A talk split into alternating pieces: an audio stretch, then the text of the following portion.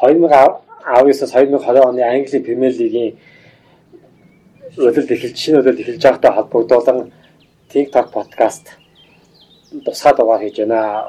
Бүхтэй холбоотойгоо тэгээд өнөөдөр болохоор байнгын зочид болох амар олон цагтаа тэгээд шинээр Реал Мадрид клубын Пен гишүүн Ууна тий бас нэмэгдэж подкаст нь очноо. За өнөөдөр бас хад тухай дугаар хөлөн бүгийн тухай хөлөн бүхтэй ихэн танилцаас ингээд түүхээс л ихтэй. За амраас ихгөө. За хөлөн бүхтэй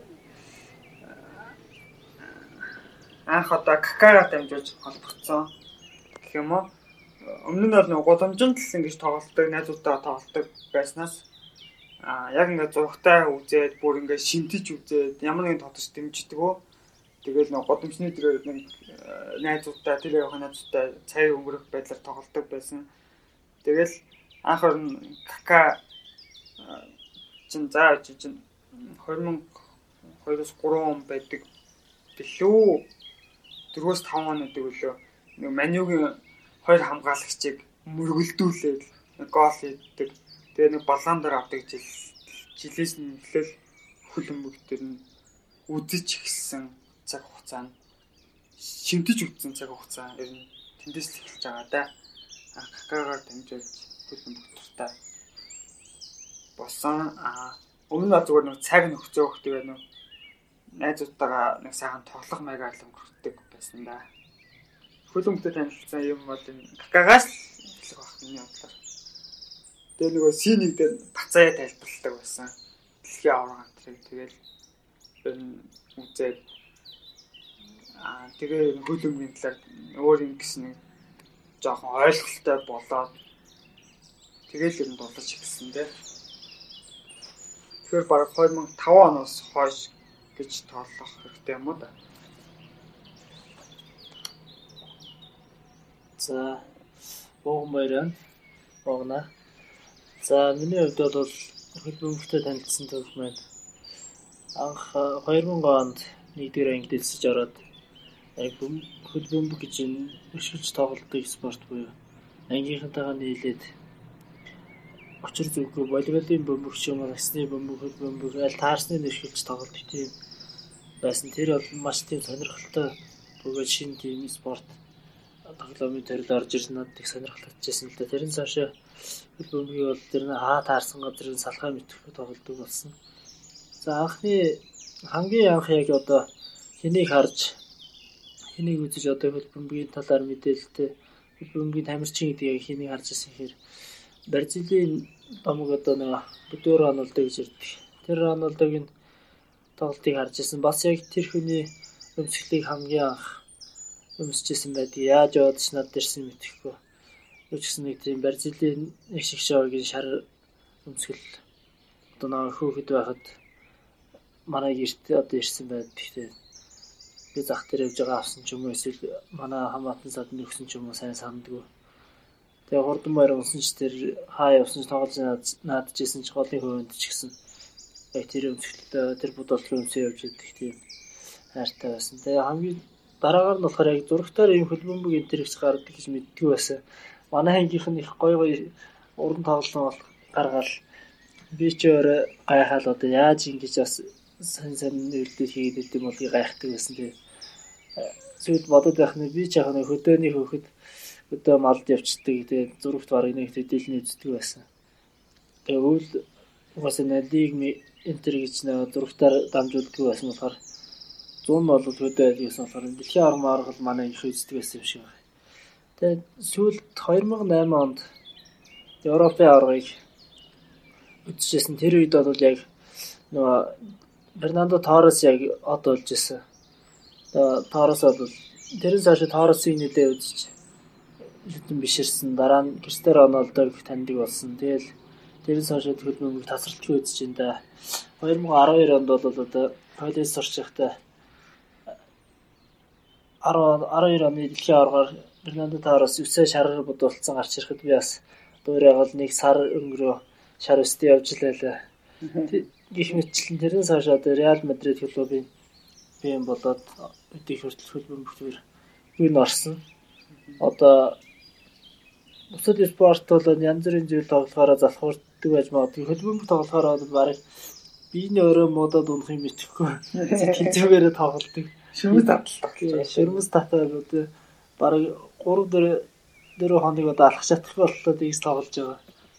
Тийм л хоббитэй болсон даа энэ спорт. За. Цогтойгоо.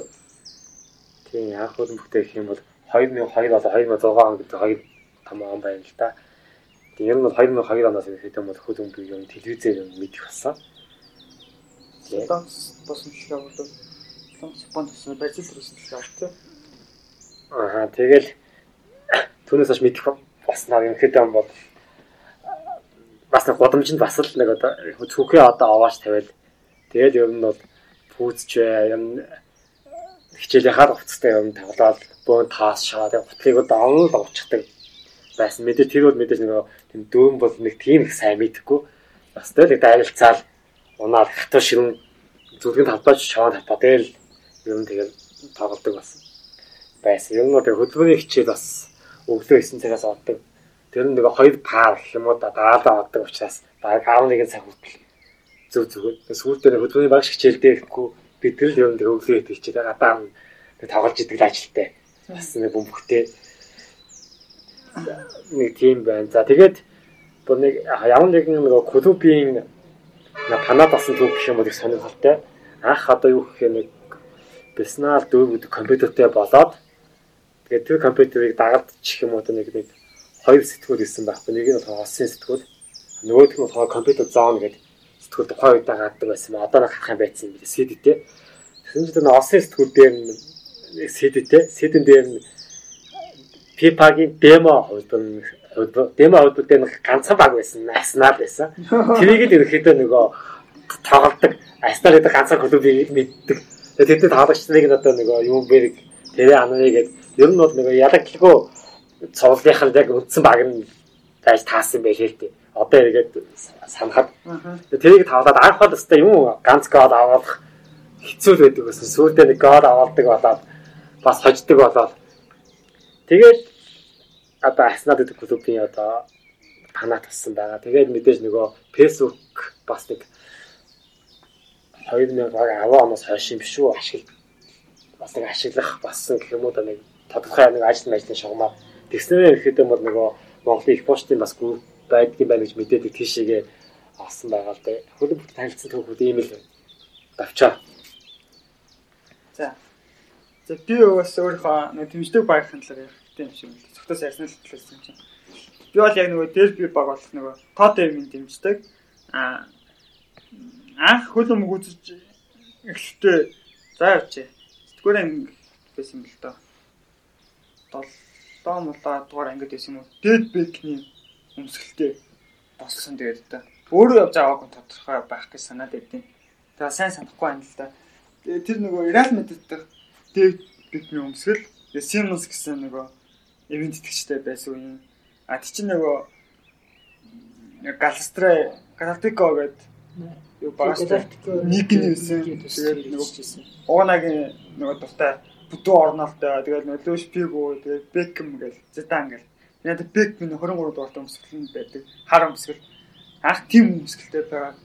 Тэгээд нөгөө Бекмэ синий дээр дэлхийн аваар харсан чинь чөлөө зөхө зохилт их гой зөхөн 100 гараа ингээд дээшээ ингээд дайлуулаад баруун гараа ингээд хүүч аваал тэ баруун зүүн гараа зэрэг ингээд хөшгөж байгаа юм шиг гараараа ингээд баруун гараа бас хөшгөж байгаа юм шиг Тэгээ анх нэг хөлөн бүх зөвхөн техник ба нэг тим техниктэй болоод тэгээ анхтай ерөөсөө бэл шуу хамаагүй зөвчдөг байсан.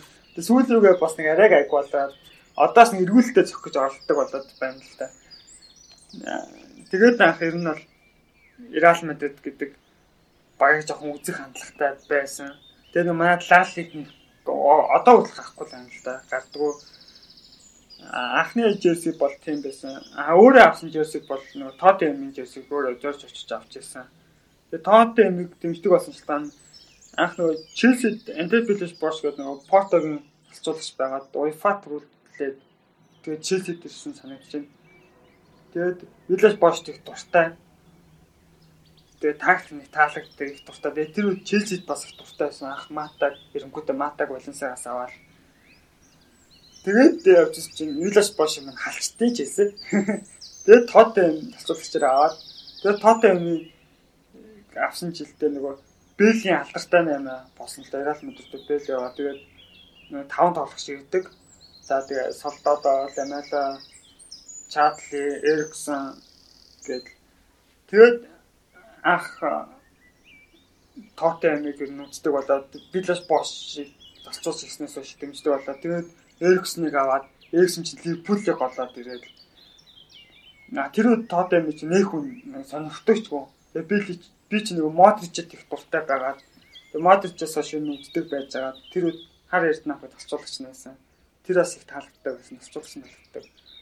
Тэгээ Вандер бодлоо. Тэгээ сүүл Билаш Бош ирсэн. Эриксон ирсэн. Эриксонд их дуртайч байсан анх ирж байгаа сургийн сонсоод би нэг ламела чатлыг бүгднийх нь ингээ хайл хэлсэн үстэй. Тэрэгс нь бүр ингээ дайксаас ирсээ бүр таалагдаад. Тэгээд анхны өөрөө зорж авсан өмсгөл маань Эриксний 23 дугаартай өмсгөлийг анх аваад тэгээд амиг дэмждэг бас ажиллагаа Виллс Бош юуснаас хойш.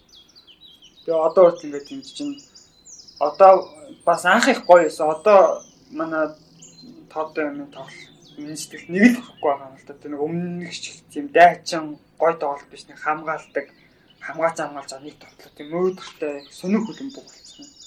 Гэтэ одоо тэгээ бага дэмцээл байгаасаар замгүй. Тэр ч анх тоо тийм дэмцсэн байна. Ууна ч Реал Мадридын панад тий. Реал Мадрид дэмцсэн түүхээ. За Реал Мадридыг дэмцсэн түүх гэвэл ер нь тэр нөгөө 2010 оны дэлхийн аваргаар зөв хальт үзэж байгаад юу гэсэн л да. Месси амир тийм үзүүлэлт өндөртэй маш алдартай байсан. Тэгээд дараагаар нь бол яг нөө нэг өөрийн лиг тодорхой хэмжээгээр бас хэсэг тоглолтуудыг үздэг болсон. Тэгээд дундуур явж байгаа ер нь хамгийн алдартай тоглогч Криштиану Роналдо байжсэн. Криштиану Роналдо одоо ер нь зөндөө гоё ур чадвартай тоглогч өндөр байсан л да. Тэгээд тэрэн дотроос Мистер Роналдогийн тоглолтыг нэлээд үзэж сонирхож байсан. Тэр утгаараа бас нэлээд Реал Мадрид дэмжих болсон шалтгаан нэлээд тодорхой болсон байх. Яг Торосыг дэмжсэн чигээрээ явсан бол одоо Атлетико Мадрид ч юм уу Ливерпулийг дэмжиж явах байсан. Ливерпулийг бол яг Премьер лигийн багаас бол би анх нь Эвертон, Челси, Арсенал, Ливерпулийг энэ дөрвийн тоглолтыг үзэх их сонирхолтой байсан. Дуртай тийм байдаг гэсэн. Сүүлд бол одоо саяны хэдэн жил бол Премьер лигийн тоглолтыг үзэх байсан. Тэгээд Ла лигийн тоглолтуудыг бол Монгол гардгүй ч гэсэн ямар нэгэн байдлаар одоо интернет сошиал ертөнцөөр одоо лайв үзээд ч юм уу тэгээ заавал үздэг. Гол гэсэн тоглолтууд багийнхаа тоглолтуудыг үзэндээ. Тэгээ нэг дамжуулдаг болохоор бусад багуудын тоглолтыг бас харьцангуй тийм үзэж чадах байна. Тэгээ өрсөлдөг шийдэг утгаараа нөгөө Барселоны тоглолтыг бас үзсэн л тэгээд Атлетико Мадрид ер нь гол энэ том өрсөлдөгчдийн тоглолтуудыг үзэн. Аврагуудын лигийн тоглолтуудыг бол тасралтгүй үздэг. Тэгээ яалтчгүй нөгөө намайг яг дэмждэг болсноос хойш Реал Мадридын амжилт бол маш өндөр түвшинд гарч ирсэн л дээ. Тэр утгаараа бүр салахгүй нэг хэсэг тэгээд дэмжээд хажуугаар нь бас хөлбөмбөг энэ хотод ирээд бас болсон дараа хөлбөмбөгийн талбай дээр тоглож өсөнд анх удаа зүйлийг энэ ногоон зүйлэгтэй талбай дээр л хиймэлч гэсэн тоглож ихсэн байгаа. Урд нь бол шарон талбай дээр тоглосон. Тэгээ дэрийн хөлбөмбөг тоглох үзэх юм нэлээд харахасаад өнгөрсөн жил бас одоо Реал Мадридын Кенгелүгийн тэмцээнд буцаадны тэмцээнд орж бас тэрэлсэн. Яг азтай ч гэх юм уу сайн багтаа тэг хойрлогдсон юм шиг байлаа. Мөчс ороод баг хамт олноор тэрэлсэн байгаа нөгөө багийнх нь амжилт онцч уунагийн карьер нүссэн юм шиг. Тэгээд үдэл амжилт онцч. Манай багийн карьер чинь би Монголынхаа ирсэн тэгээд төр төрөөсгээд.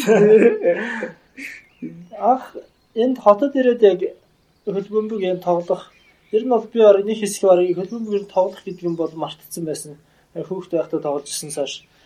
Тэгээ энэ тоглосон чинь 100 оюутан байхад энд амарч исэн ажил хийгээд тэгээ амралтын өдрөөр манай Вэл ах гэдгийг хэдийгээд бас тэдний найз нэг Челси клубын одоо фэн таагийн залуу гэдэг одоо бас нэг Тайваны лиг тоглож байгаа хаа.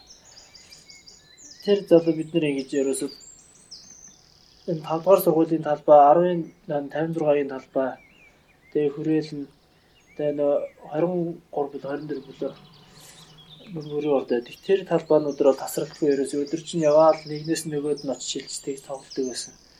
Тэгээд анх орогийн цахилтууд болоод яг зөв цахилтыг энэ би хөлбөмбөг үзээд ирэн зурагтаар үзээд төдийллийн хүмүүсийн цахилтын техник эдгээр бол нэг анзаардаг байсан билээ.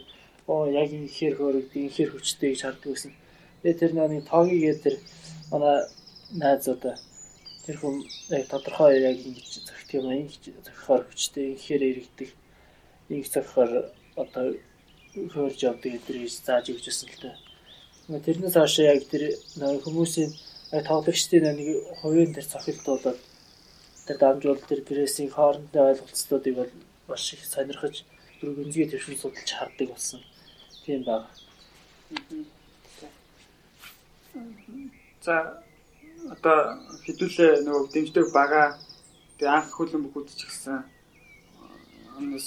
үлсэн үе яасан. Одоо хөлөн бүг ягаад бусад спортоос илүү онцлох онцлоод ингээд дэмжиж үзээд байгаа юм гээ. Одоо алтартай спорт гэх юм уу сагс тэгэл одоо магадгүй пилат теннис ч гэдэм үү тий.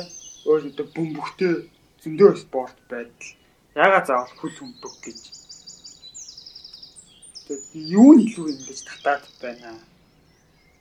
Тийм тоо эгэлзээ боди хувь хүний онцлогтой холбоотой байж болох юм бол өөрөө заавал нэг юмны дунд нь оож өөрийгөө магадгүй заваач гэх юм уу нэг хөсөн гаргаж иж тэрний юмнаас ямар нэгэн тийм нэг таашаал сайхан зүйлийг мэдэрдэг. Тэгэхээр нэг хөлбөмбөг одоо бас тоглох бол бас нэг яг тийм мэдрэмж өгдөг. Тоглооч мэдээж цаг гүйх бол бас л тийм амар биш. Тэгээ адилхан хүмүүстэй гүгээд үлхэлцээд займд хад тактикл хийгээд одоо тэгээд ч унах ч юм уу. Тэгээ ингээд гүгтгээд гүөх тийм амаргүй байд. Гэхдээ энэ тэр ингээд таашаалтай байдаг. Хичнээн ядалсан ч гэсэн. Тэгээ магадгүй ингээд олон юм нөгөө бүтлгүй алдгууд хийж хийж байгаад олон бүтлгүй алдгуудынх нь нэг нь л амжилттай болох тал. Тэр нь одоо тийм нөгөө god магадгүй ялалтын эсвэл одоо ялагдлын тийм нэг мэдрэмжийг өгдөгөө илүү тэр нөгөө амьдралтай төстэй юм шиг бас санагддаг л да. Хөдөлмөрийн тухайд энэ яалчгүй нэг жихэн эхчүүдийн спорт.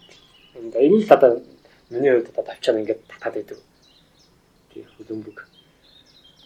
Бос спортоос онцлог таних юм бол яалчгүй нөө юу л да. Тэмцэл одоо жишээ сакс бол юм шүү дээ. Минутанд бол хэдэн хөнгөж оруулах боловч тийм ядаж бараг л нэг сөрөг хоёр тишээ сөрөг нэг 3 3 дуртлах бараг боломж гарна шүү дээ. Тэгэхээр хөлбөмбөг бол бараг 90 минутын туршгүйгээд гол орохгүй байх тийм экстрэл зөндөө гарч байгаа шүү дээ. Тэр болгоом чинь бараг тоглоод эхэлчихээр миний хувьд бол тэр бараг цаг явж байгааг бараг мэддэггүй. Тэгэхээр нэг баснаа заавал гол оруулах ч юм уу хожиж тэндээсээ тийж таашаал авдаг болохоор тэндээс бүр салахгүй тийм мэдрэмжийг авдаг юм л да. Тэгээ нэг бусад спортоос ялгаатай одоо төсвөр төвчээр тэр ичээрээс угаасаа хангалттай шаардж байгаа. Дээрээс нь тэр төсвөр төвчээрийг яаж гаргаж ийн гэдгээ өөрөө тэр тухайн хүн тэр үед бол шинэх тийм зүйлийг бас нэг тийм олохгүй байх шиг байна. Бүр өөрийгөө зориулах дээр сэтгэл зүйд бүр гүн автуулдаг тийм спорт юм болоо бас өөр талаараа бас нэг бусадтай ойлголцох болоод өөрийгөө бас ингэж мэдрэх бусад хүнд өөрийгөө яаж ойлгуулж игээд тэр сэтгэл зүй талаас ч гэсэн маш төвгүй нь агуулгатай спорт байх гэж бодод байна. Тэгээ саксес мод сэтгэгийг ингээд яг цаг боллоо гэдэг нэг алдаа гаргах шүүх шүглүүлээ зогсооч тэгвэл хөлбөмбөг дээр бол удамшил олоод угаасаа шүүгч байхгүй хин нэг маргалдаа зогсоод байхгүй. Бөмбөг өвхрийн явсан бол тэрний хойноос явж идэг эргээд хэрэлдээ зогсож явах тийм баг технологиуд их бага байдаг болохоор энэ процент үед үед явцсан болохоор гарыг тийм тасралтгүй үргэлжилдэг утгаараа нөхөдийг бүр маш их татдаг гэж тэмцэлд оруулдаг.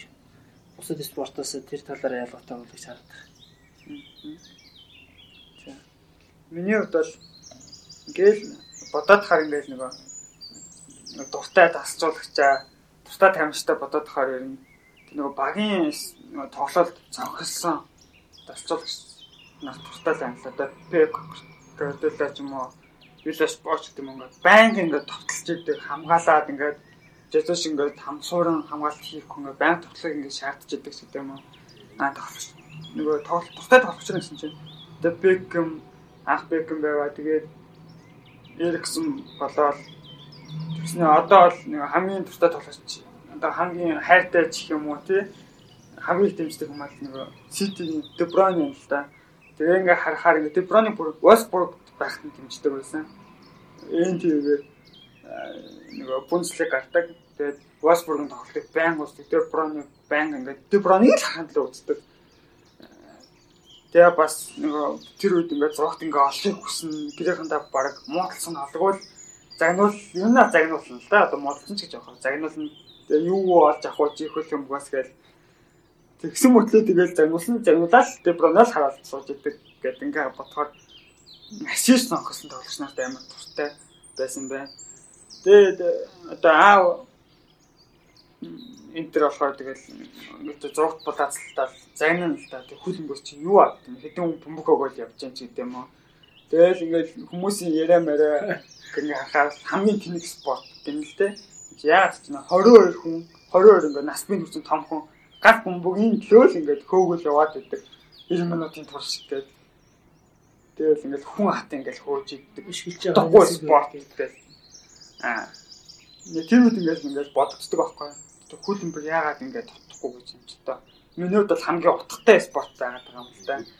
Тэгээ эндээс болоод ингээд бодох юм бол ягаад хүлэмбэрт ингээд илүү хайртай, дуртай, бусдаас ингээд илүү үздэг вэ гэхээр яг ингээд нэг амьдрал шиг ингээд санагдаад байт юм л та.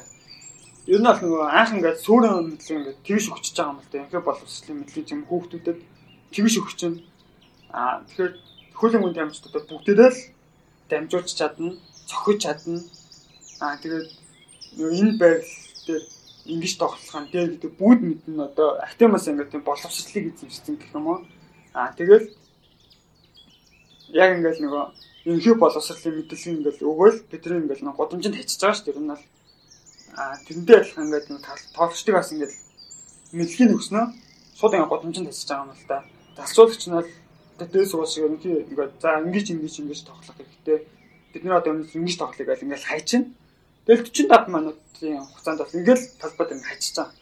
Засцуулагч одоо хачнаас үг хэлээд хэлээд сонсохдохгүй юм чинь тэр олон фанатуудын нүрийн чимээтэй Тэгэл тоглогчдоо өөрсдөө л ингээд би энэ тэгээд зогцоод ингээд тоглолт тоглоно.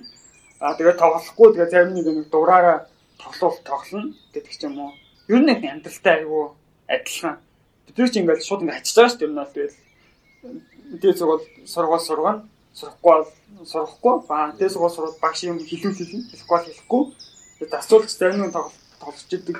Одоо их мэдлэг өгүүлэг нь өгөхгүй болохгүй ч гэдэг юм уу. Ингээд хайцдаг. Тэрнтэй адилхан. Тэгээд ингээд 40 минутын дунд нь ингээд завсарлага мавсарлага байхгүй тоглогч ингээд гинтчихгүй удаан хугацааны тус тоглол саад ингээд саадахгүй л дасцуулагч ингээд нэг үг хэлэхгүй шүү дээ. За чи ингээд тэгээд байна гэсэн байхгүй. Тэгээд нэг тоглогчид нэг өөрсдөө хоорондоо юм яриад би ингэжгүй чи ингэж хаяараач гэдэг юм уу. Тэгээд нөгөө бэлтгэл турсан юм аа хийвэл хийн хийх бол хийхгүй. Аа тэгээд зарим нэгэн тоглогч нэг дураараа тоглож болчихж байгаа юм л да одоо Алькас Санчес ч юм уу Немаш ингээд нөгөө дураар тоглох тоглосон байдаг тоглолтын системийг ингээд эвдээд гэл тэр нөгөө зарим талаараа бүтэлтэйч байна. Зарим талаараа бүтлгүүж болчихно. Аа сквад нэг Дэго Коштой ч гэдэг юм уу нэг амбиц өөрийнхөө нэг нэг характераасаа болоод улаан хуцаагаад бага хөөдчиж магадгүй. Аа магадгүй тэр нэг харизм характер нь хэрэгтэй байгаад айлын тоглолтыг шатаагаад айлын тоглолтод улаан өгүүлээд гаргачих магадгүй тийм Тэгэхээр ингээд амьдралтай асар ойрхон спорт. Тэгэл нэг 45 минутын дараа нэг амраал асуулж нэг амлалтаар нэг үг хэлүүл хэлнэ. За хэлээл за ингэж тоглоё шүү гэдэг. Тэгэл талбай дээр дахиад 45 минут хайчиж байгаа юм л да. Тэгээд тэр талбай дээр чинь лөөр явахдууд явахтан тий. Тэгээд нэг нэг сэтгэл хангамж үзүүлээ зөндөө байгаа юм л да. Нэг отон биш байсан бөмбөгийн одоо отон гээд тооцхон өнгөрцөн тохиолдол зөндөө байдаг. Тэгээ жижиг шажиг алдан маш их байдаг л да. Ингээ жират алтарч ундаг гэж одоо жишээ тутал тий. тэрийг нэг халтарч унаад 11 алддаг. Жирадны халтарч унаад тэр бөмбөгнөөс л одоо Ливерпул төрүүлэг боломжоо алдагч гэдэг юм уу. Кака бас нэг нэг үдээсээ үдж агаад тэр онд Ливерпул гол оруулцдаг. А тэр үдээсээ үдэг тэр бөмбөгийг авсан байсан бол Ливерпулаас тэр Месси Миланыг хожиж гайхамшиг бүтээж одоо түүлэх байсан уугүй юу гэл тээ. Тэгэхээр амьдралтаа ингээд асар ойрхон санагдаад тэгээд тэнд хууль бус юм байна. Аа тэгээд зөрчил байна, лөвөр байна. Одоо бас хацсангүй гайг болж вар энэ үзээд бас ингээд арайгаагүй болж байна. Тэгэхээр ингээд тэгээд би одоо ингээд 1000 сайн тоглож болох гэсэн. Манай багийн 10 хүн муу тоглох юм бол одоо миний сайн тоглосон уус юм ямар ч хэрэггүй. Тэгэл хогдор өсөж байгаа байхгүй. Босд маань муу тоглосон бол тэгэл хожигдно. Аа би ганцаар бөмбөг аваад ингээд өөрийгөө Америкчд гэх юм бол бас болохгүй чинь багийнхан маань байна. Тэгээ тэр тоон талбайд ганцаараа тасралтгүй гүн гэж угаасаа байхгүй ч юм уу. Тэр нэг хүнд хүсэн үсэггүй хамтын амьдралын тэг багийн ажиллагааны одоо ингээд дүрмийг юм да. Ингээд суулгахаас бас замгүй болчтой юм уу. Ингээд энэ хүү философиг харах юм бол одоо хүнийг одоо хүн болж төлөвшүүлж гэх юм уу те. Хөөхөн болохыг индивидуал хүн болох юм бол хөл өмбөг одоо тэрийг өгөхөөр байгаа юм л да. Би тэгж боддیں۔ хөл өмбөг бас тэр нөгөө нэг хувь хүний яг жишээ сая бол хамтын амьдралын тал дээр гэж чинь тийм. Одоо нөгөө нэг суур ингээ хөгжлөө нөгөөд ингээ орхичдаг гэдэг дээр бас яг л тийм байна л да. Тэрнээс цаашаа нөгөө нэг хүний яг хувь хүний чанар бас хэрхэн нөлөөлөх вэ те. Энэ спортод одоо амжилт гаргах уу гаргахгүй юу гэдэг дээр бусад спортоос ялгаатай гэдэг дээр жишээ нь бусад бөмбөгний төрлийн зөндөө спорт байгаа шүү дээ талбайн теннис, ширээний теннис, сакс волейбол тийм ээ. Өөр юу ч байдгийг бүгдтэй холбоотой зөндөө. Тэд нар бол ихэнхдээ бүгд дандаа гараар оролцсон тийм спортууд байгаа. Тэгж яхад гараар яг бөмбөг шитгэхэд байгаа оных магадлал бол маш өндөр л дээ. Хүн бүх зүйлийг гараар хийж байгаа тийм ээ. Хөлөөр бол ихэнхдээ зүгээр л явах шилжих хөдөлгөөнүүд хийж байгаа шүү дээ. Тэгж яхад хөл бөмбөг тэр бөмбөгийг нөөж яваад урдаас ингээд хамгаалалтаа тулгараад янз бүрийн зүйлтэй тулгарсан ч гэсэн тэр ур чадвараа бие хөгжүүлснээр тэр нэг суур мэдлэгээ маш сайн хөгжүүлээд бүр ингээ өндөр түвшинд авч гарч чадсанаар бусдаас ялгараад тэднээс илүү ур чадвараар одоо жишээ довтолж байгаа хүнд одоо хавс хамгаалт ч юм уу хамгаалтын шугамнаас яг Google-д очиж байгаа тэр хурд тиймд тааруулаад одоо хөл юм уу толгойд нь тааруулаад гол оруулах тэр боломжийг олгож тэр дамжуул таях ч юм уу эсвэл талбайн голоос ч хаанаас ч байсан амах тэр хаалганы өнцөг хэмжээг тааруулж цохиж оруулах тийм ээ. Хөлөөр тэр нэг өсөндөө удирдах чинь шүү дээ. Гараа шидэж байгаа тай адилхан тийм өндөр хэмжээнд эзэмшин гэдэг энэ спортын одоо бас гайхалтай чанар юм уу. Яг тэр хэмжээнд очих нь өөрөө тэр нэг яг нэг төвшөнд ингээ гудамжинд гарсан хүмүүсээс хувь хүнийхээ амьд чадвар ч юм уу хувь хүний төлөвшлөлтөөр хандлагын нэг тууштай байдлаараа ялгарч одоо тэр төвшөнд хүрч байгаа нь тэр юм бол одоо одоо өчтөснөө хөлбөмбөг тоглолтыг хөлбөмбөгийн нодууд байна. Харин бас яг тэдний хэмжээнд адилхан өгөгдөлтэй адилхан ур чадвартай хэрнээ ерөөсөө огт амжилт гаргаагүй тэгээд орхисон. Тийм сэтгэл зүй ч юм уу бие бэлтрийг хөгжлөөрөө тэгээд хүрч чадаагүй тийм хүмүүс үл зөндөл байгаа. Тэгэхээр энэ бол яг тэр нэ бас хөлбөмбөг ямар хэмжээнд ур чадвар ямар хэмжээний өндөр шаардлагыг шаарддаг гэдгээр бас спорт спортоос ялгаатай юм болов гэж харагдав. Тэгээд одоо би бас нэг саксыг үздэг. Тэгэл нэг саксан бөмбөгч ингээд нэг голцоо байгаа шүү дээ. Голцоороо ингээд шидлээ. Голцоо ингээд хин шидсэн ингээд хоо болсон гэж байгаа байхгүй. А хүлэн бүг Билардын нүх бас тийм шүү дээ. Гольфын нүх мөх. Хамгаалах юу ч авахгүй хөлбөмбөг бол нөгөө тэр нөгөө хааллага руу тулж байгаа биш хүн хүнтэйгээ тулж байгаа байхгүй хөлбөмбөг чинь хаалгач бас ингээд тулж байгаа хүн хүнтэйгээ тулж байгаа тэгэхээр тэр нөгөө зүгээр ингээд чиглүүлээд орчуул сакс макс орчих боломжтой байтал. Хөлбөмбөг бол нэг жиш чиглүүлнэ гэсэн чинь тэр хаалгач чинь хайшаа чиглүүлэх вэ хаалгачаа хуурна тий. А гэтэл хаалгач чинь бас энэ хүн хаашаа зохих бол ихүү их тал руу юу? Баг тал руу юу? Гэл ингээд хүн хүнтэйгээ тулж байгаа нэг юм байна л да.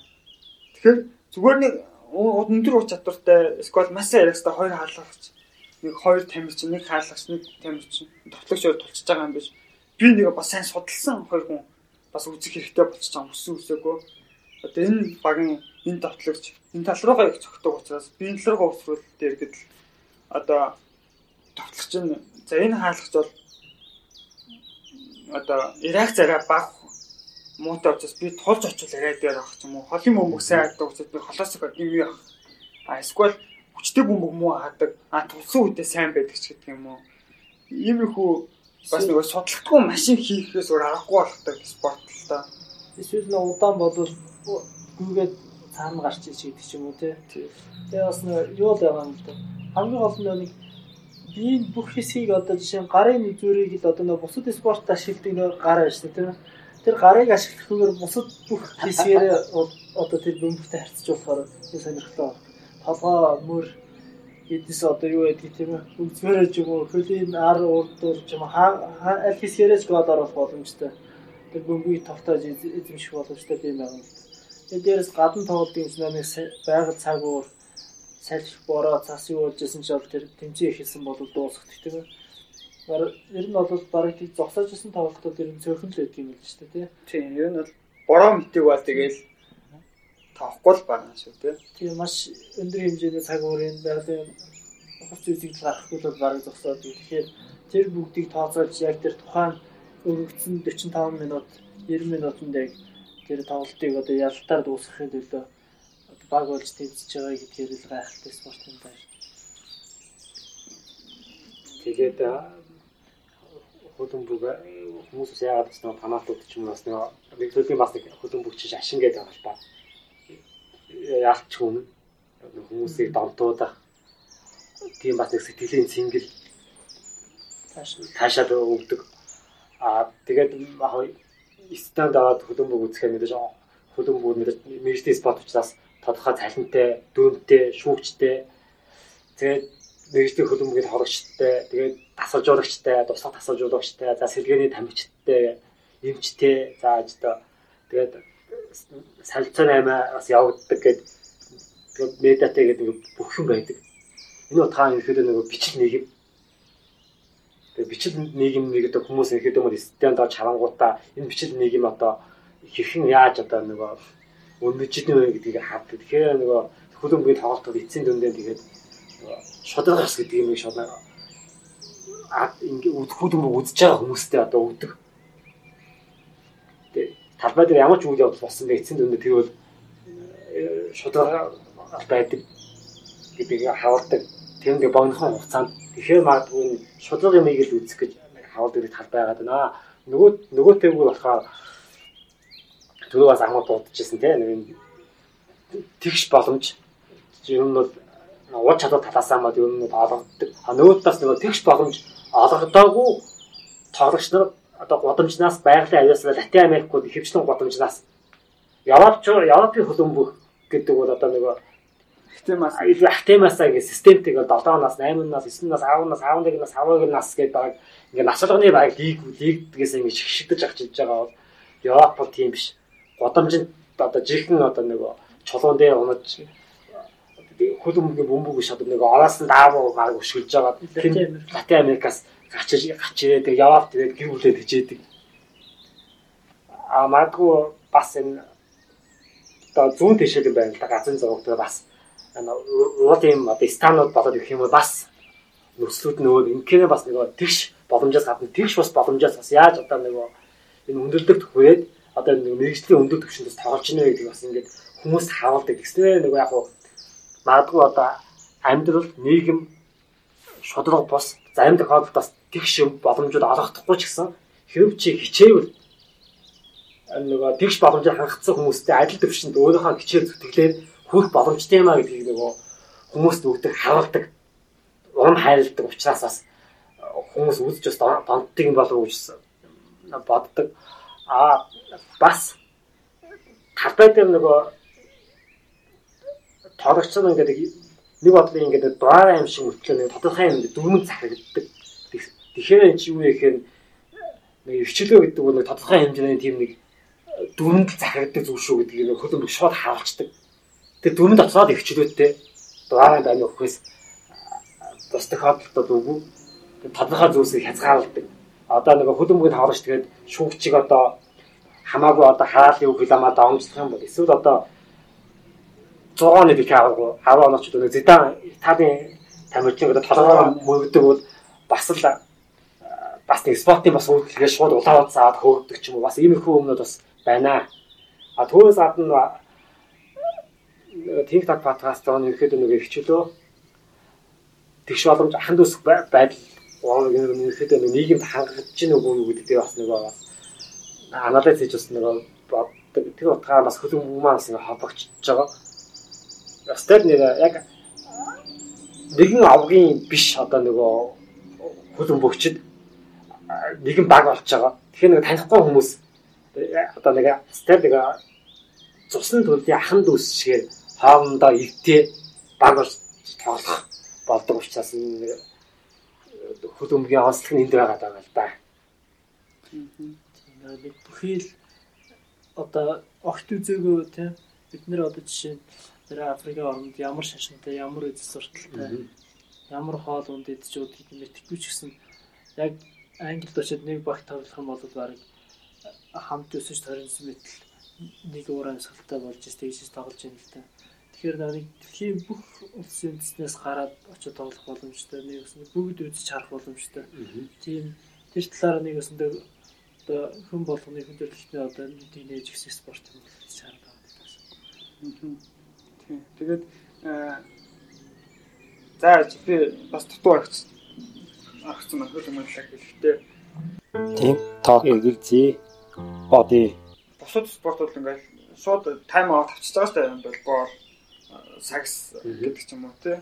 А ширийн тенс хүртэл одоо 6-ны зүйтэй хүмүүс одоо хөсөө ярьчих боломжтой гэдэг юм уу. Тэгэл хөсөө ярьсан гадаж бол асуудалтаа яриа өрөө хийдэг хөлөө мөвчин тэгэл 45 минутанд дуус тэгэл хачиж байгаа Тэгэл чинь станыг таван өөр төвийн хөлөм хүчин ингээд нэг л бадар байж магадгүй. Тэгэл одоо хоорондоо л уучрах хос ур зам уу болчихж байгаа юм л да. Чинь аа тэгээд одоо нөгөө амьдрал одоо бид нар хүн болох нөгөө тэгш ирэхийг хүсдэг ч гэсэн амьдрал нөгөө тэгш байдгүй маа ч гэдэг юм уу. Тийм зүйл яг ингээ хөлөмбө харуулчихад байгаа юм л да. Хэдий одоо хүн шүүж байгаа хүн алдаа гаргана. Шүүгч алдаа гаргана. Шүүгч алдаанаас болж тоглолтын харьцаа өөрчлөгдөж магадгүй. Тэн дээр тэгээд одоо нөгөө аль нэг нэгтлэн мэдээж сэтгэл гондор үлдэн тий. Нэгтлэн тэгэл хожигсон болохоор одоо баярлсан үлдэн энэ бас нэг амьдрал одоо мянга ингээд зүтгээ зүтгээд нэмэргүй маа. Аа ингээд чи одоо нийгмийн амьд учраас одоо нийгэм чинь л юм байхаас байгаа болж одоо нэг нэг шууган одоо болохоос замгүй гэдэг ингээд харуулж байгаа юм шиг мөртлөө нөгөө талаараа за бүх юм чамаас шалтгаалж шалтгаална гэж харуулж байгаа юм л да. Энд дээр юу вэ гэхээр одоо нэг харамсалтай тохиолдол зөндөө байдаг. Одоо нэг Гаринжа гэж байдаг хөлөмгөн бурхан гэж баригдсан гэдэл Гаринжа одоо өөрийнхөө одоо нэг хувийн зохион байгуулалтгүй аягтаас нь дуртай 6 зингэл дуртай эмгтээчүүдийг орооцолдог байсан гэдэг ч юм уу. Тэгээд нөгөө их архичин байсан гэл аа тэрнээс болоод өндөр удаан хугацаанд өндөр төвшин тоглож чадаагүй байдал филегээд одоо хүлэмгийн хаан гэдэг байгаа тий. Гэтэл филе одоо ингээл би 1000 гаруй гол эзэн гэдэл одоо ингээ бод ингээ байдлаар ингээ тоолоод үзгээр гол 1000 хүрээгүй ч гэдэг юм уу тий. Зүгээр ингээ өдөртлийн өмнөх одоо алин тоглолтын гол моллыг бүгднгийн тоолж ил аваач юм 30 байгаа болохоос ш. Яг ингээд цэвэр э, одоо лигийн тоглолт Монгол Альпиос нь тоглолтыг тоцвол гол 1030-гүй нэг 700 л гарч магадгүй гэсэн тоотойч байх шиг. Аа гэтэл бас нөгөө хөлөмгийн домог гэдээ бас яригддаг Марадона байна. Бас нэг хувийн зохион байгуулалт байхгүй. Харт амигч юм байсан. Гэтэл нөгөө харт амиг татсны камерын бичлэг тоглолтын камерын бичгээр нүд нь улаацсан байсан. Тэгэл энэ аль өө энэ хаа тамаг татсан байна ингээ илүүлдэг ч юм уу тий. Гэтэл хөл өмгийн энэ тэр нөгөө тэр ингээд тэр хүлэмжийн бичлэгийг хийгээгүй тэр камерт Мардана очиж гол хийж очиж өртөөгүй бол хардам тацнуугүй ингээд мэдхгүй ч байдаг ч юм уу. Тэгэхээр ингээд хүлэмбэг хэдий ингээд шудраг бус юм шиг мөртлөө ингээд хамгийн шудраг бүх зүйл чамаа шалтгаалнаа гэд одоо Орнолдо Кристиан Арнолдо байна л да өндөр төвшөнд ингээд одоо бол ингээд тоглож байна. Хувийн өндөр зохион байгуулалт маш өндөр байд. Аа ингээл зарим нэгэн тоглолцоод одоо хувийн зохион байгуулалт маш муу. Одоо Адриано гэж Берзил Адриано байна. Тэр үедээ бүр дараагийн Орнолдо гэж ярьдаг байсан. Дэндүү өндөр төвшин ур чадвартай. Гэтэл тэгэл хувийн зохион байгуулалт маш муутай байдаг ч юм уу. 6 цэнгэл хөөдөг те. Ийм хүмүүс болгочд бол одоо карьер нь хурдан дууснаа гэдэг юм. Гэтэл өөрөө бас ингээд зохион байгуулалтаа сайн ингээд бариад одоо 6 цэнгэл элдэн хамт зүйл өртөхгүй байгаа мөртлөө ингээд дэдл гимтлээс болоод өндөр төвшөнд бас тоглож чадахгүй. Одоо ингээд сонгодог жишээ нэг юм бол кака байна. Бүдүүн орнолтой байна. Одоо ингээд гимтлээс болоод мэндээс болоод өндөр төвшөнд ингээд удаан тогтмол тоглож чадахгүй ингээд байгаа тамирчид ч тийм үү. Тэгэхээр хамгийн шудраг биш юм төлөө хамгийн шудраг бүх юм шалтгаан шалтгаална гэдэг. Тэгээ энэ дэр ингээд хэцүүлэх юмуд маш их байна л да. Одоо ингээ хамхан бол 6 цингэл тийх хурддаг. Одоо одоо орлогоо өрн таран хийдэг, дампууртад тоглолцдог юм бол ингээ Латин Америк, Африкийн тоглолцоод ингээ байдал. Аа өндөр төвшөнд удаан хугацаанд тоглолттой тоглолцдог юм бол одоо ингээ Европ тоглолцоод аа Тэгэл одоо нөгөө багийнхаа төлөө бүх зүйлээ зориулдаг Тэгээ хувийн карьераа хөөдгөө толгочод гэх юм бол одоо Аз тивийн толгочод талбай дээр байн гүйдэг. Банк багийнхандаа тусалдаг. Гэтэл өөрөө ингэ тодорч харагддаг. А хамгийн тодорсон гэх юм бол одоо Какава, Накамура одоо хамгийн сүүлх нь Сон л ах шиг байна л да. Гэтэл одоо Сон ч одоо манай баяр шүү дээ. Гэтэл Сон маань бол ер нь өөрийнхөө амбицны хөөдөг байгаа байхгүй юу? Хөөдгөө тоглогч манай багийнхнаас одоо Харикен Тэгэл яа Лукас энэ чинь бас хэцүү шүү дээ. Ингээл өөрийнхөө л амбицыг өгдөг. Баахан талаа яг чин сэтгэлээс ингэж зүтгэж байгаа юм бараг байхгүй. Гэтэл соон бол ч бүх өстой 90 минутын дэвш гүйдэг. Хамгаалтанд ч гүйдэг, тоглоомд ч гүйдэг. Тэгээд нэг номер дамжуулалтаа онцолдог гэж гэдэг юм уу. Тэгэхээр ингээд соёлын тэр нэг багын хүмүүстлийн ялгаанууд ингээд шууд ингээд гараад ирдэг. Тэгэхээр хөлөм бүгдээр одоо багын хүмүүжил ямар чухал вэ? Тэ? Аа тэгээ төлөвшний ямар чухал вэ? Гэр бүлийн байдал ямар чухал вэ? Одоо Гаринчагийн аав нь одоо улаан аригчин байсан. Тэгээ Гаринча бас аригчин болсон ч гэдэг юм уу те. Аа тэгээ өлөхд үрэл гэдэг зүйл ямар чухал вэ? Аа тэгснэ тэр хүний зохион байгуулалт гэдэг ямар чухал вэ? Тэгэл эсрэгээр нөгөө Кристер амлдаг наав бас архинаас хамааралтай байгаа өөрийгөө бас татчих чадахгүй байсараа гэдэг болсон гэдэг одоо тийм бас юу яриа гаргасан юм байна. Рональдо өөрөө хэлсэн байдаг шүү дээ.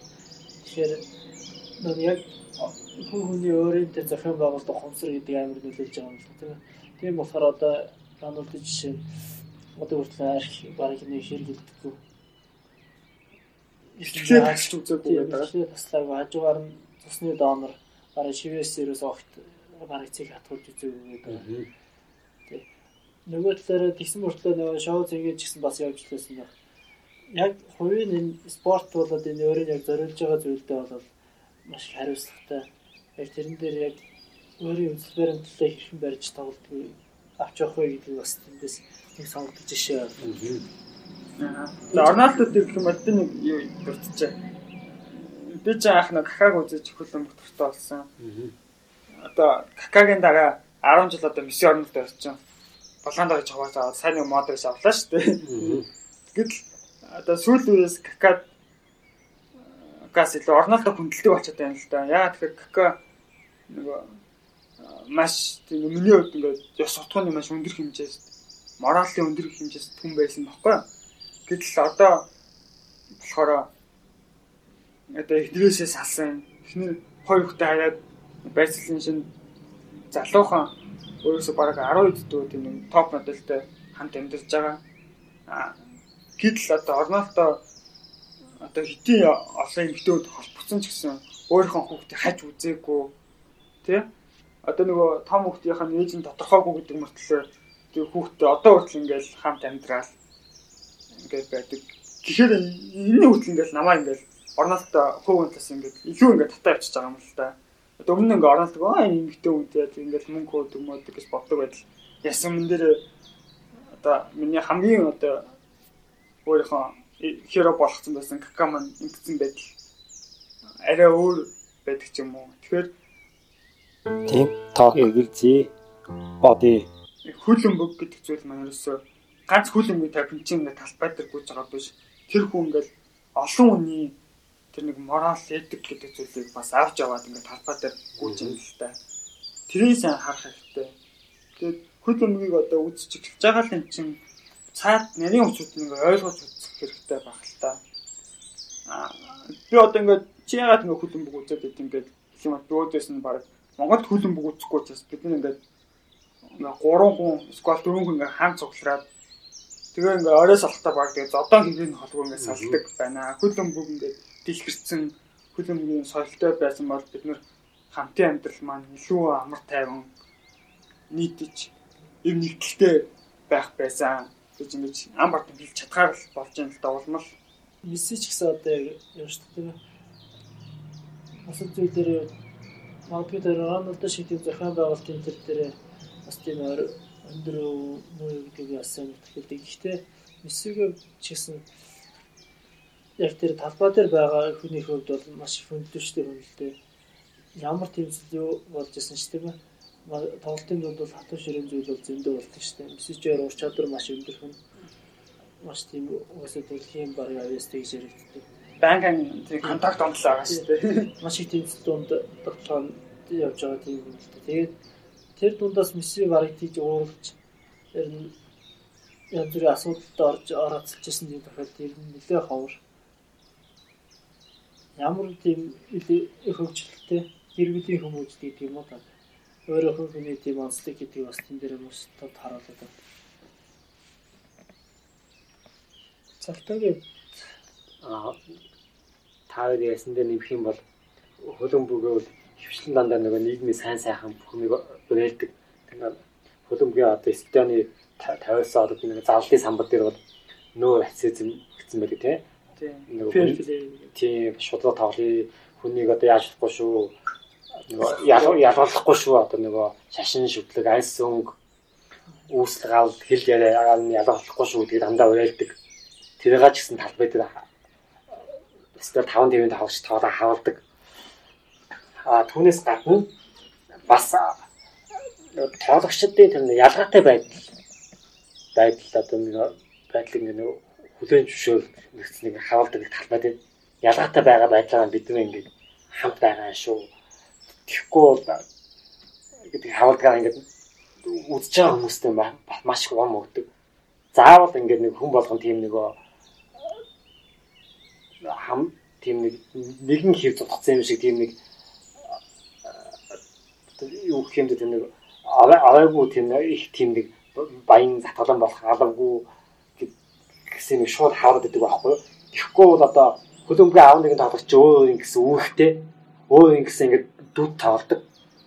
Тэр бол дүрээл үнэнч байдаг. Хаалгачуд хаалгач үргээл гүйцэтгэдэг. А давтлагчийн үүрэг бол одоо хамгийн ихээр яригддаг тоглоом дуусахад бол давтлагч л одоо 2 гол авсан, 1 гол авсан яасан учраас давтлагч л одоо нэг балдаанд авъя ч юм уу хамаг юм ингээл авдгаар ихэд юм бол бас нэг шаглалын систем явчихад байдаг боловч хамгаалагч, түүнийг найруулагч, дундын шогмонд бөмбөгийг нь давталж байгаа гэдэг нөө өөрсдийнхөө өвгөө хүсэж байгаа хүмүүс заримдаг холболт ингээд дуудагдахгүй өнгөрдөж гисэн тэр тэр ингээд ялгаатай байж байгаа ингээд хүлэн зөвшөөрчөд байдаг. Нэг нэга тэгээ уртлын хүн одоо нөгөө балдаанд орч юм уу эсвэл нөгөө шилдэг хөлөн бүрч гэдэг шагналыг нь авлаа гэсэн багтаа хിവэрэл хамгаалагч аваад ч юм уу дунд шугамаа хүнээрэл үлдээд би энэ өөрийнхөө ялгаатай байдлыг хүлээн зөвшөөрч тэр ч гэсэн тэр энэ үгээрэл энэ ялгаатай байдлыг хүлээн зөвшөөрч би давтагчийн дүр тоож чадахгүй юм чинь хамгаалагч юм уу хагас хамгаалагч эсвэл цэвэрлэгч байгаа байдал өөрийнхөө үдгийг сайн гүйцэтгэе би давтагчийн дүр хамгийн санаа тоож чаддаг байсан бол энэ шагналыг авах байсан юм аа гэдэг Энэ утгаараа ингээд нөгөө бус өөрийнхөө ялгаатай байдлыг хүлээн зөвшөөрөөд бас бусдын ялгаатай байдал чадрыг хүлээн зөвшөөрдөг ингээд нөгөө үзэж байгаа хүмүүс ингээд нийгэм даяараа ингээд ийм ялгаатай байна. Ялгаатайгаа л ингээд хамгийн санаа зохицсон амьдраа гэдгийг бас ингээд ойлгож байгаа харагддаг л да. Тэгэхгүй бол одоо нөгөө ялгаатай биш, надаас ялгаатай байна гэдэг. Ер нь бол манай энэ Монголын нийгэмд ер нь нэг тиймэрхүү тийм гадаад хандлагууд бол илүү байдаг л да. Ер нь бол нэстэд нэг пүүс гадан гутал пүүс унаад ходон гутал өмсөөд болгон тийм болгон шүү өмс өмсөхгүй бол тэгээд энэ хойшоогоо очиод энэ итгэл хамбал мөрөхгүй бол заавал хүсгэл нөө үзэхгүй бол за одоо тэр нөх хүн маад авахгүй бол хүн биш ч юм уу гэж ингээл ялгуулаад байдаг. Гэтэл тийм байх алгүй гэдгийг үзүүлдэг байхгүй юу нөх хөлөм. Тийм тоо гэрзий боди Тэр хүний өөрийн Тийм. дур сонирхол өөрийн дуу сонирхол тэр чинь ингээд сонирхолтой тэр зүйлдээ ингээд хайр дааж байгaalтай байгаа байхгүй. одоо хамгаалагч байж аваад чи энэ жил шилдэг тоглогч тоглогч авсан юм чинь одоо чи миний орон таа тоглочих гэдэг ч юм уу тий. Тэр үжин сурталчилж гарч ирэхгүй. Яг нь Тийм. тоглол тэр ур чадвар бол адилхан байгаа. Тийм. Тэгмэл яг яг энэ тоглооны тэр тоглогчийн байрлал дээр одоо чи тоглох нь уусаа тоглодог юм чинь чи бид тэр нэгээс нэмэрэгжилдэг. Тэрэндээ бол эзэн гэдгээ баталж байгаа юм л да. Тийм. Тэгэхгүй бол одоо манай ус ч гэсэн тэгээд одоо нөгөө чи сайд хийсэн. Би дааж чинь сайд хийн гээд хөлбөмбөр бол би их хамгаалагч байж байгаа. Одоо дундын шомон тоглоо. Одоо давтагч болъё гэдэг ингээд нэг хайр гэх юм ингээд довшаад ахаад байдаг. Гэтэл нөгөө чадваргүй байж байгаа тэр дүүдэр очих чинь тэгээд багийг авч байгаа байхгүй юу? Манай улс төрд бол тодорхой байна. Бөхчөө дууцтанд очиод улс төрч байгаа нарыг сайд болчихж байгаа.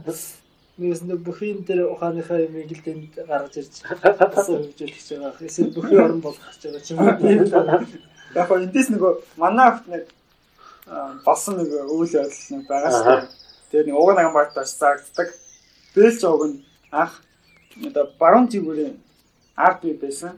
Баруун жигүүрийн хамгаалагч байсан. Бид тэгээд хамгаалагч байгаад тэгээд өөрийнхөө одоо уур чадвараар сольж гарч ирсэн учраас одоо ингээд энэ хамгаалтнаас илүү товтлоонд илүү үр нөлөөтэй юм байна. Гэд одоо хагас хамгаалагч болгодог гэсэн нэг тийм тохиолдолд маш зөөхөн тэгээд өөрөө тэрийг нэг батлах хэрэгтэй байна л да. Тэгээд баталж чадсан гэдэг ч юм уу.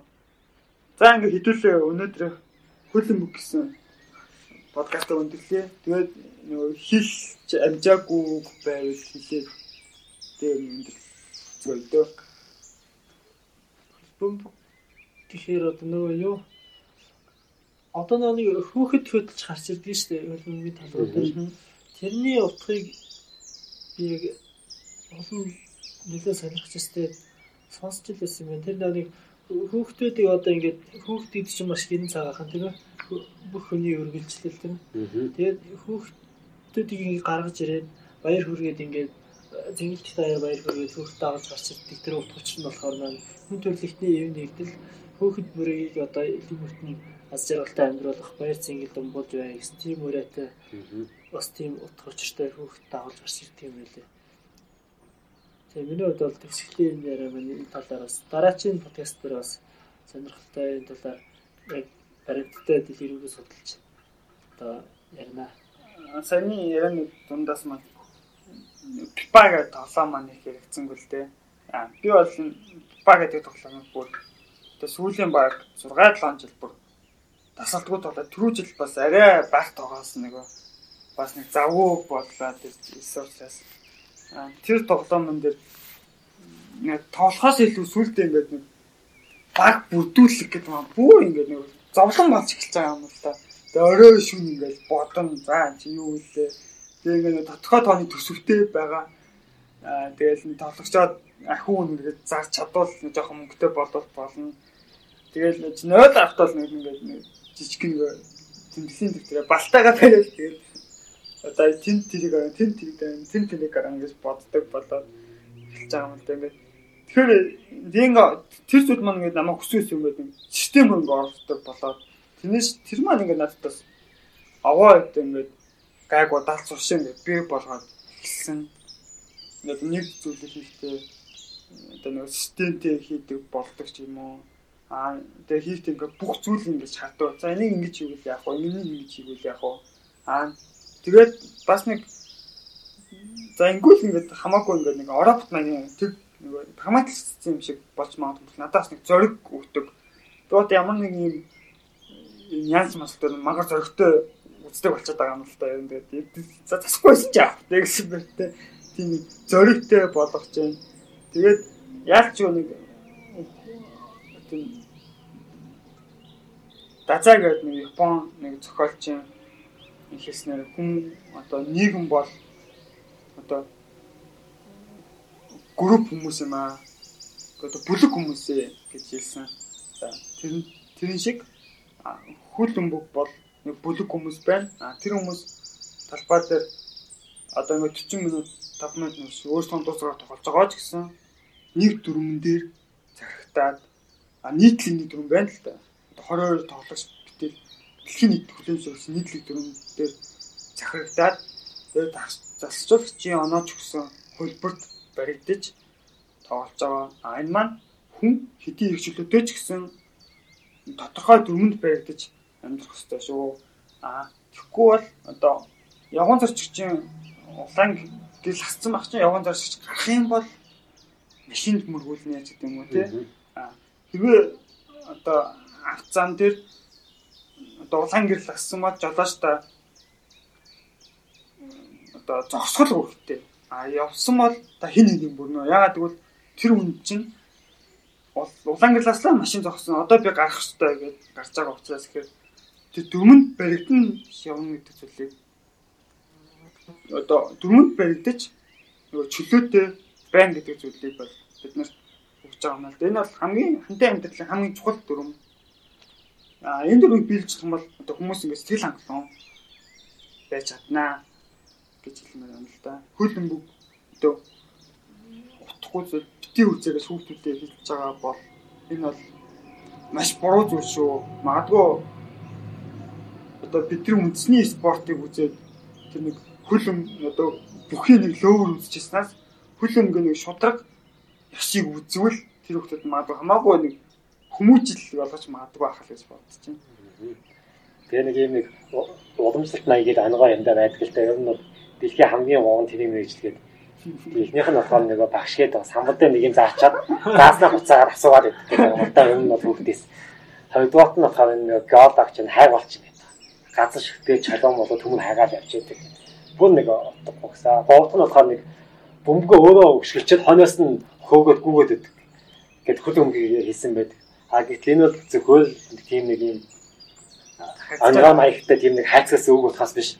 А бод нэг мөн чанарыг нэлэхээс үг биш. А бидний хувьд ерөнхийдөө нөгөө хөлөн бүхтэй танилцсан түүх тэгээд ямар клубүүд дэмждэгвэ тэгээд хөл өмгийн философи хөл өмг ямар ашиг багталтай юм тэгээд маш чухал сэдвүүдээр ярилцлаа. TikTok подкастын Английн Премьер Лигийн 2019-с 20 оны нээлтийн өдрөлд зориулсан тусгай подкаст дугаар маань энэ түрээд өнгөлж байна. За баяртай. Дараагийн гүлэмгийн подкастаар хийж уулзцаа.